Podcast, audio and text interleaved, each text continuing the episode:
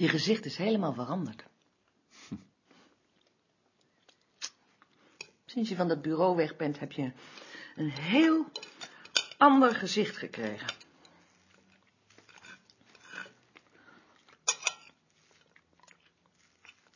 Hoe kan dat nou? Ja, dat weet ik niet, maar het stond altijd zorgelijk. En dat is weg.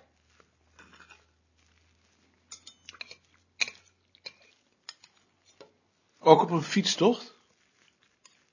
Ja, ook. Maar toch niet in de vakantie? In de vakantie meestal ook. Je bent ineens heel anders.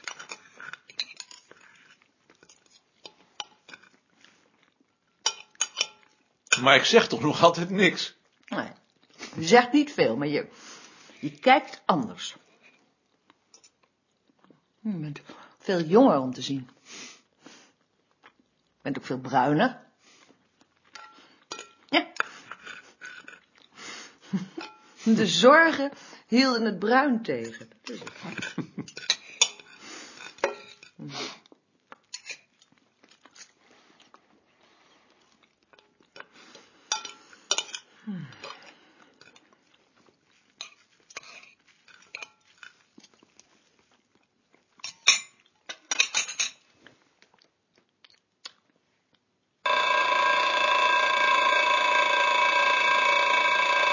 Sien komt even langs. Zien? Wat komt die nou doen? Ik denk omdat ze niet bij mijn afscheid was. Wanneer komt ze dan? Nu, meteen. Want dan mag ik wel koffie gaan zetten. En blijft ze lang?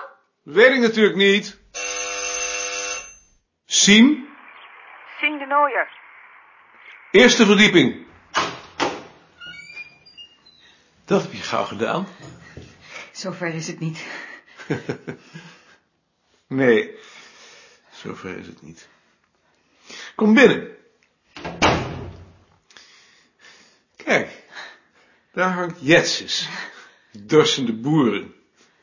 Die heb ik van jullie gehad. Oh ja. Dag zien. Oh, dag. Eh, eh, dit heb ik voor jullie meegebracht. Eh, maar de doos eh, wou ik weer mee terugnemen. Wat ontzettend aardig. Voor Maarten zeker. Nee, eh, voor jullie allebei. Wat geweldig. Heb je die zelf gebakken? Eh, ja, maar Kijk eens, Maarten. ik weet niet of hij wel goed geworden is. Mmm, lekker. Maar ik kreeg toch alleen een taart als ik bleef? Toch? Eh, heb ik dat gezegd? Als ik bleef, zou je elke week een taart voor me bakken. Oh, Eh, eh, dat- dat herinner ik me niet. Wil je een kop koffie? Ja, maar, maar dan ga ik weer weg. Ik blijf maar even. Loop maar door. Eh, hier? Ga maar ergens zitten. Eh, waar zaten jullie? Nergens.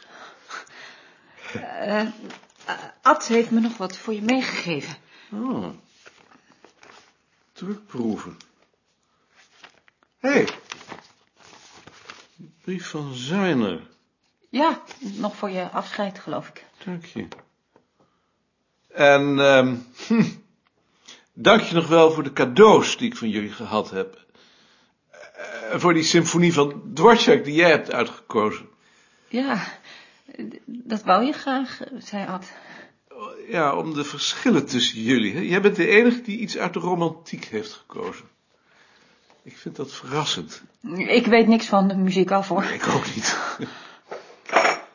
Hij is heerlijk. Ik heb in de keuken al een stukje geproefd. Ik vind het ontzettend knap.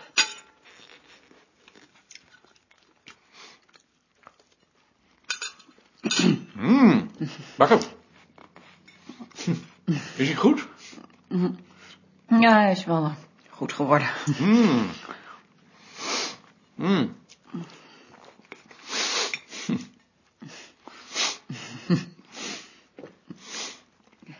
Hoe was je vakantie? Heel goed. Jullie zijn toch in Noorwegen geweest, hè? Ja, Noorwegen. Nou, dat je anders altijd naar steden gaat. We, we zijn ook in eh, Oslo geweest. verder niet? Jawel, ook nog wel in de natuur. Als je daar bent moet je natuurlijk ook nog wel wat van de natuur zien. En, ehm hoe vond je het? Heel mooi. Maar eh, het zegt me niet zoveel. Ik, ik ben liever in een stad. En Henk ook. Gek. Eh, jullie gaan altijd naar eh, Auvergne, hè? Ja, ik vind steden verschrikkelijk. Nee, wij vinden steden juist heel interessant.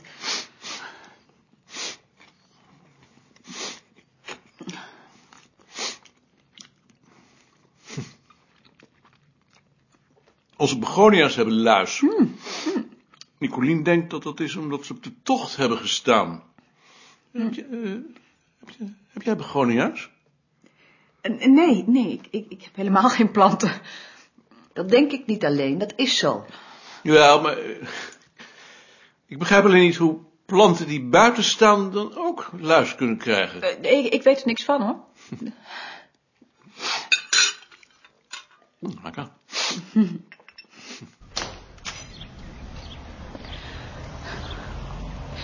Ik, eh, ik wou je ook nog bedanken voor wat je allemaal voor me gedaan hebt. Maar dat was toch niks? Ik vond van wel. Nou. Daar heb ik toch ook dubbel en dwars voor teruggehad. Wat? Die taart bedoel ik. Oh. Nou. Dag. Dag. Ik ben gespannen. Hoe vond je het? Ik weet het niet. Je weet toch zeker wel hoe je het vond? Nee, ik weet het echt niet. En je vindt het toch zeker wel aardig dat ze die taart heeft gebracht? Dat vind ik heel aardig. Waarom zeg je dat dan niet? Wanneer weet je het dan? Ik weet het echt niet. Nou, als je het hebt opgeschreven zeker, en dan krijg ik het niet meer te horen. Ik wil er echt niets aan doen. Ik weet alleen dat ik gespannen ben geraakt. Nou, dan wacht ik maar af tot je het wel weet. Ik ben even in het kleine kamertje. Wat ga je daar doen? Beetje rommelen. Hij ging de voordeur uit.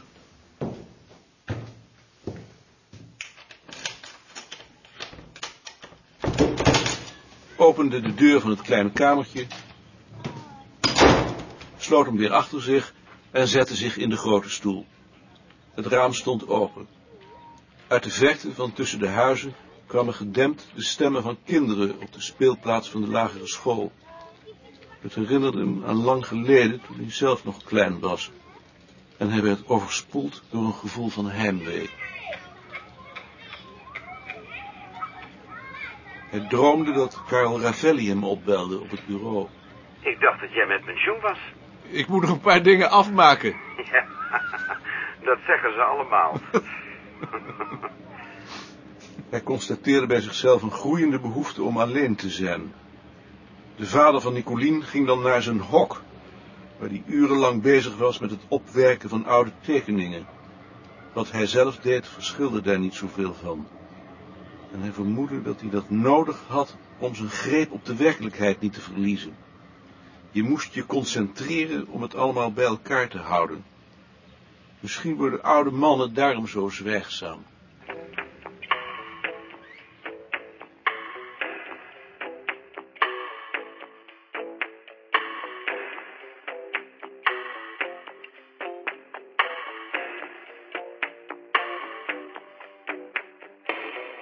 Ze reden door Watergang en Ilpendam de Purmer in en vervolgens rechtsaf over Katwoude naar Volendam. De weg van Katwoude naar Volendam was opmerkelijk stil. Halverwege klommen ze langs een trap de dijk op en keken enige tijd over de Gouwzee. In Volendam was het druk. Honderden toeristen slenterden langs de haven voor de terrasjes en winkeltjes. Honderd meter verder, voorbij Hotel Spaander, was dat plotseling afgelopen, Hoewel je daar vanaf de dijk een ver uitzicht over zee hebt.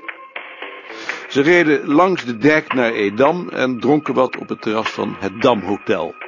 Hij ergerde zich aan oude mannen en vrouwen in te jeugdige, te nieuwe, te goed gewassen sportieve kleding die te soepel om hun stramme leden hing.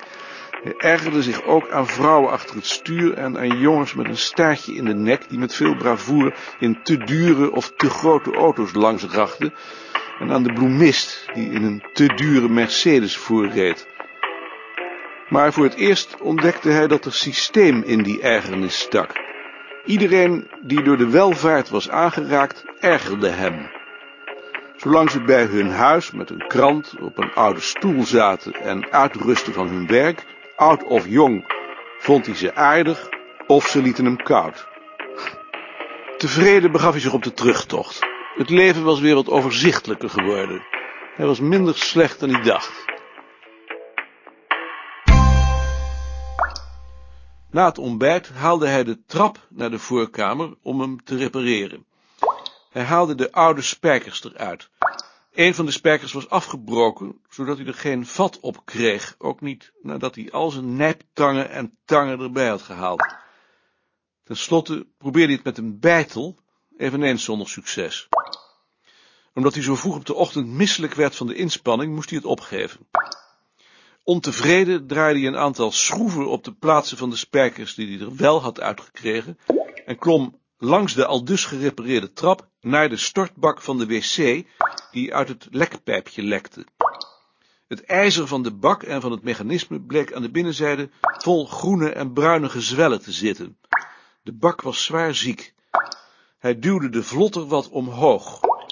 Het lekken hield op, maar hij zag niet hoe hij de vlotter zo moest krijgen dat het niet terugkwam. Waarom is er geen ondergoed van je in de was? De enige oplossing was een emmertje aan de lekpijp.